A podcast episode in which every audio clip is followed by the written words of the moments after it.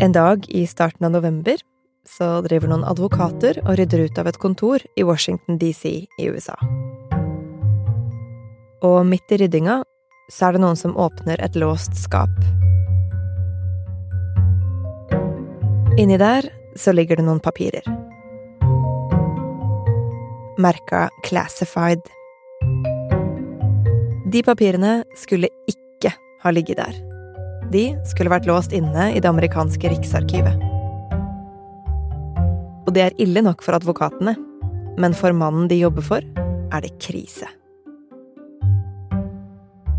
Du hører på Forklart fra Aftenposten. Jeg heter Anne Lindholm, og i dag er det tirsdag 17. januar. Disse advokatene jobber jo for USAs mektigste mann og president, Joe Biden, og de befinner seg på noe som heter Penn Biden Center, som er en tankesmie i, i Washington DC, som altså er oppkalt da, etter Joe Biden. Øystein Klaustad Langberg er USA-korrespondent for Aftenposten. Og de dokumentene de finner, de stammer fra tiden da Biden var eh, Barack Obamas visepresident. Og det var selvfølgelig helt naturlig at USAs visepresident hadde tilgang til masse gradert, hemmeligstemplet informasjon. Han hadde jo en svært, svært viktig jobb. Men alt skulle ha vært levert inn til det amerikanske riksarkivet da Obama og Biden gikk av i 2017, da perioden deres var over, eh, og at det ikke ble det.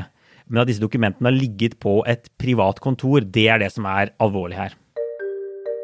Og Biden sier han ble overraska over at dokumentene i det hele tatt var der. Men hva, hva, skjer da etter at advokatene finner disse papirene i Penn Biden Center? Altså Det første advokaten gjør når de finner disse dokumentene, det er å si fra til det amerikanske riksarkivet og få overlevert dokumentene. Det er i hvert fall det de sier selv i dag. Eh, og så vet vi nå også at de i stillhet begynner å gjennomgå flere av Bidens eiendommer. Både hjemmet hans og feriehuset han har hjemme i delstaten Delaware. Og der viser det seg da etter noen uker at de finner enda flere dokumenter. A second batch of classified documents has been discovered by aides to the president, this time in a different location from where the initial documents were found. Altså, noen dokumenter de fant de inne i Bidens bolig, men de fleste fant de altså, ute i Bidens garasje. Eh, der eh, presidenten bl.a. har parkert sin favorittbil, en sånn Corvette Stingray fra 1967. Biden er veldig opptatt av å si at dette er en lukket garasje, dette er ikke en bil som står henslengt ute på veien, da, og disse dokumentene både var trygge der inne. Og nå i helga så kom det jo fram at de har funnet enda fem sider med hemmeligstempla dokumenter. Og alt det her, Øystein, hva slags dokumenter er det? Vi vet ikke helt ennå hva slags dokumenter det er. Eh, selv Biden sier at han ikke vet at de ble overlevert med en gang uten at de kikket på de. Eh, men det er jo kommet noen detaljer eh, lekket ut. Vi vet at noen er top secret, altså det høyeste hemmelighets- eller graderingsnivået som finnes i USA. Det skal være noen notater her inne som bl.a. gjelder land som Iran, Ukraina og Storbritannia, som jo var land Biden jobbet med som visepresident. Og hvor alvorlig er det her? Ja, nei, altså, det er jo strenge regler for uh, håndtering av graderte dokumenter. Og folk som bryter disse reglene, de kan bli møtt med bøter og også strenge fengselsstraffer. Uh, men vi vet ikke helt hva som skjer videre juridisk i akkurat denne saken justisministeren har utnevnt en sånn spesialetterforsker for å ettergå dette. Justisministeren er jo Bidens egen mann, ikke sant, som vil ha litt sånn armlengdes avstand til denne saken. Så det viser jo at det er et betydelig alvor her. Eh, men det vi vet helt sikkert, er at dette er noe som kommer til å bli et stort problem og bli brukt politisk mot Biden.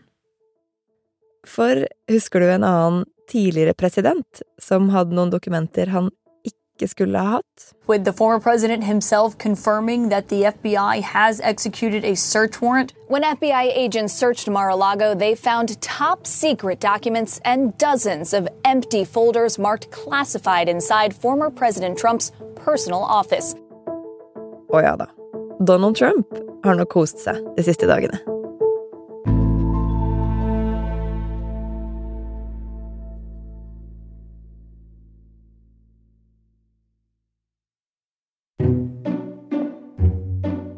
Øystein Langberg, åssen var det igjen med tidligere president Donald Trump og de hemmelige dokumentene? Donald Trump gikk jo av som president i januar 2021 etter at han hadde tapt valget mot uh, Joe Biden. og Da flyttet han hjem til Mar-a-Lago i Florida. og Det skulle etter hvert vise seg at han hadde hatt litt av hvert med seg på det flyttelasset. For det var sånn at Like etter at Trump gikk av, så begynte Riksarkivet å gå gjennom hvilke dokumenter de hadde. De skal jo egentlig ha alle dokumentene fra Trumps uh, presidentperiode, og de fant ut at de manglet en masse dokumenter. Og etter hvert så har det vist seg at Trump hadde tatt med seg hundrevis av hemmeligstemplede dokumenter hjem eh, og, og, ut av Det hvite hus da, da han avsluttet som, som president. Eh, og så startet en prosess mellom Riksarkivet og Trump. En del dokumenter ble levert frivillig tilbake, og på et tidspunkt så var det en advokat for Trump som slo fast at alt var levert tilbake. Men det var åpenbart ikke Riksarkivet enig i, og det skulle jo også vise seg å ikke stemme. Og til slutt så valgte de å sette politi på saken, og, og fikk gjennomført et raid. FBI was currently at his property in Mar-a-Lago, which is his residence in Palm Beach, Florida. Og der fant de jo en masse ytterligere hemmeligstemplede dokumenter, bl.a. på Trumps kontor. Og dette ble jo umiddelbart en enorm sak i USA. ikke sant? Å gjennomføre en razzia mot en tidligere president er mildt sagt veldig uvanlig, også i USA. Og etter hvert, denne saken er veldig vanskelig å håndtere også for Biden-administrasjonen og hans justisminister. Så det ble utnevnt en spesialetterforsker for å håndtere hele dette sakskomplekset, og for å vurdere da, om Trump skal tiltales og, og dømmes da, og tas for retten for, for den dokumentsaken. Nå ser det i hvert fall ut som om Biden har rota seg inn i noe av det samme. Han hadde hemmelige dokumenter som han ikke skulle ha hatt. Altså Disse sakene har jo absolutt noen likhetstrekk. De handler om hemmeligstemplede dokumenter på avveie hos mektige menn. Eh, men det er også en del vesentlige forskjeller mellom disse sakene, eh, som er ganske viktige. Eh, I Bidens tilfelle så er det snakk om antageligvis mye færre dokumenter. De rådgiverne hans sier at det dreier seg om et fåtall dokumenter. I den første funnet de gjorde da, på dette kontoret i Washington, så var det snakk om ti, ti dokumenter. Um, I Trumps tilfelle så er det mange, mange flere. altså Vi snakker om hundrevis av hemmeligstemplede dokumenter. Så det er en helt sentral forskjell. Ja, så det er, er et helt annet omfang, liksom? Det er mange flere dokumenter? Ja, absolutt. Det ser sånn ut nå. Og så er det en annen viktig forskjell. Eh, dokumentene som Bidens folk fant, de ble frivillig levert tilbake av advokatene hans. De gjorde det de skulle, og de gjorde det umiddelbart, ikke sant. Um, og de samarbeider også fullt og helt, sier de, med Riksarkivet som er en veldig, veldig sentral forskjell. Fordi Trump uh, har jo blitt beskyldt for å trenere hele prosessen. Han lata som han ikke hadde disse dokumentene. Så gikk FBI inn, de fant en masse dokumenter. Uh, de, han har absolutt ikke samarbeidet, ikke sant. Uh, så det er en helt sånn sentral vesensforskjell, da. Og nå er det jo blitt klart at det er utnevnt en tidligere statsadvokat til å etterforske saken om dokumentene til Biden. Um, men ellers, da, hvor står disse to sakene nå? Altså, det er veldig usikkert i Bidens tilfelle hva som vil skje juridisk. Man kan se for seg at noen i kretsen hans rundt Biden kanskje har gjort noe feil og kan bli straffeforfulgt og dømt. Men det vi vet, er at Biden antageligvis selv slipper unna nærmest uansett hva som har skjedd her. Fordi det amerikanske justisdepartementet har lenge hatt som regel at de ikke straffeforfølger sittende presidenter. Det er veldig veldig komplisert, og det er en regel de har som også gjaldt Trump da han var president. Um, Trumps prosess er jo veldig annerledes. Han er ikke president lenger. Eh, de tingene han er anklaget for, skjedde etter at han hadde gått av som president. Det finnes de som mener at han bør eh, tiltales, og, de får forsøke å få han dømt i, i rettssystemet. Og så finnes det de som mener at det er en elendig idé å gjøre det. Men det er det juridiske. ikke sant? Dette, denne saken kan få kanskje de største eh, konsekvensene politisk, så det er jo vel så viktig her. Ja, for det juridiske er én ting. Men for makta og karrieren til disse to gamlingene, så er det ikke det som spiller størst rolle. Man kan drive valgkamp fra fengsel om man vil. Det som spiller noen rolle for hvem som kan bli USAs president fra 2024 av, det er hva folket, hva velgerne rundt i USA, syns. For Trump har sagt at han stiller som presidentkandidat, og Biden har kommet med noen sterke hint om det samme. Altså selv om det ser ut til å være betydelige forskjeller mellom saken til Trump og saken til Biden, så kan det fort bli nyanser som kanskje forsvinner litt for den gjengse velger bak måte, de store overskriftene. Der ser vi to menn som begge har håndtert hemmeligstemplede eh, dokumenter på en dårlig måte. Og så er spørsmålet om dette skader Biden politisk. da. Jeg tror ikke det er sånn isolert sett. Han får seg en ripe i lakken her. Han gikk til valg på kompetanse, erfaring, etterrettelighet. Den dokumentsaken er jo på en måte det stikk motsatte av alle de tingene der. Men jeg tror vanlige velgere er mye mer opptatt av inflasjon, bensinpris, saker som angår eh, livet deres direkte, mye mer enn hvordan presidenten håndterer dokumenter. Eh, men det er ingen tvil om at hele denne saken eh, som angår Biden, er en gave for republikanerne. Eh, og særlig for Donald Trump, som har lagt noen veldig veldig dårlige måneder bak seg, og som trengte denne saken her nå. Mm. Åssen bruker han det? Nei, eh, Det har kommet sterke reaksjoner fra det republikanske partiet og fra, fra Donald Trump. Eh, de sier nå at de vil bruke flertallet sitt i Representantenes hus til å sette i gang granskninger av Biden. Eh, og det betyr at det antageligvis kan bli mye bråk fremover, da, og mye oppmerksomhet rundt denne saken og hvordan presidenten håndterer denne typen ting. Eh, og så er de, lager Trump og republikanerne et inntrykk av at Biden er en hykler. For Biden kalte jo selv Trump for totalt uansvarlig i fjor, eh, da denne Trump-dokumentsaken dukket opp. Og nå kommer det frem at han selv har rotet med hemmelige dokumenter da, på en lignende måte, så det ser åpenbart ikke, ikke bra ut. Og så jobber jo republikanerne hardt med å sette likhetstegn mellom Biden-saken og Trump-saken. De sier at disse sakene egentlig er helt like. De spør hvorfor raides ikke Bidens hjem når Trumps hjem ble raidet? Hvorfor tas det ikke bilder av alle Biden-dokumentene utover gulvet, slik de gjorde på Trumps kontor? Eh, og de forsøker jo da å få Trumps egen sak til å fremstå som mindre alvorlig, som om dette er noe nærmest alle politikere driver med. Ja, funker det?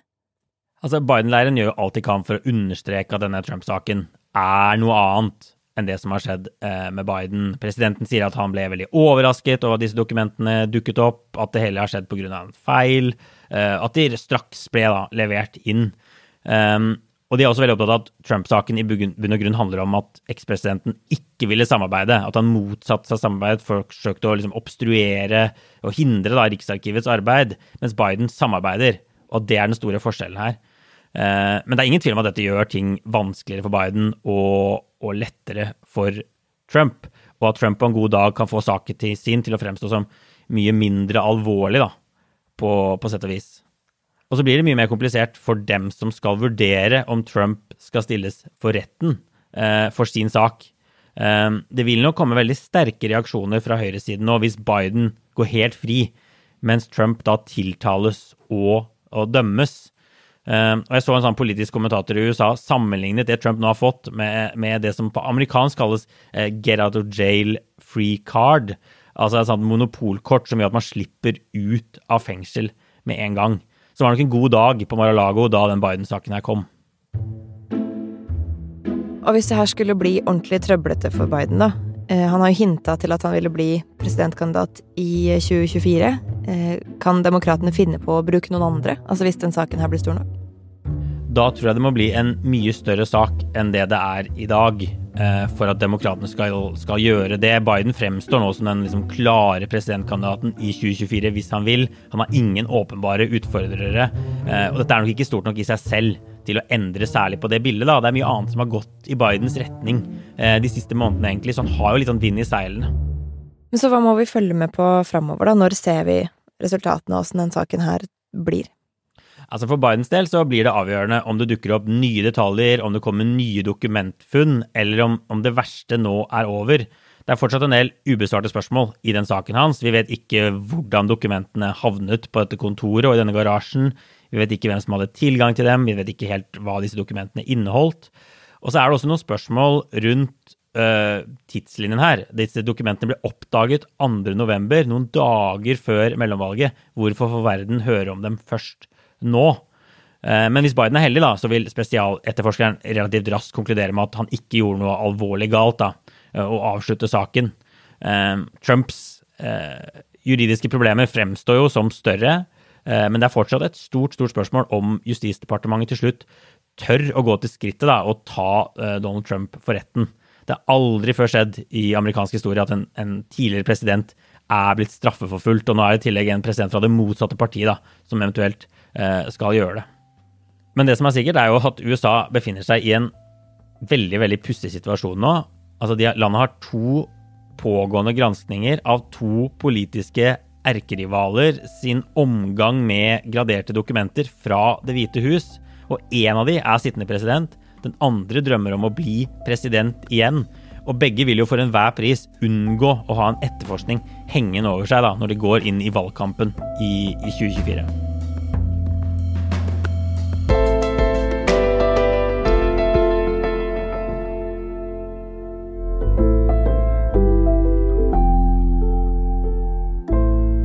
Du har hørt Forklart, en podkast fra Aftenposten. Det var USA-korrespondent Øystein Kløvstad Langberg som forklarte om Biden og Trump sine dokumentsaker. Lyden du hørte, var fra CNN, NBC News, CNBC, PBS og nyhetsbyrået AP. Denne episoden er lagd av Jenny Førland og meg, Anne Lindholm. Resten av Forklart er Synne Søhol, Philip A. Johannesborg, David Vekoni, Marit Eriksdatter Gjelland og Anders Weberg. Sanne, Ja, Therese? min kollega i Aftenposten. Ja. Endelig skal vi få lage lyd. ja, nå skal vi gjøre noe gøy. Men hva skal vi snakke om? Jeg tror du veit hva vi skal snakke om. vi, skal snakke om reality-stjerner, TikTok-mat, Hollywood-rettssaker, influenserdrama, moteskandaler, TV-seriene folk bare sier at du må se, men må du egentlig det? Vi skal rett og slett snakke om de viktigste sakene fra populærkulturens verden. Og internett. Og internett. Og vi skal ikke gjøre det aleine. Vi har fire faste gjester, én gjest hver uke. Og vi skal ha med oss hvem da? Tidligere kunnskapsminister og rappekspert eh, Torbjørn Røe Isaksen. Det er Dag Sørås. Det er Isalill Kolpus. Og eh, Instagram-kjendis Jawad El Bakali. Mm, Instagram-kjendis. Der er vi i gang. Jeg tror det er liksom akkurat der vi skal være. Ja. Hør på Poprådet fra Aftenposten.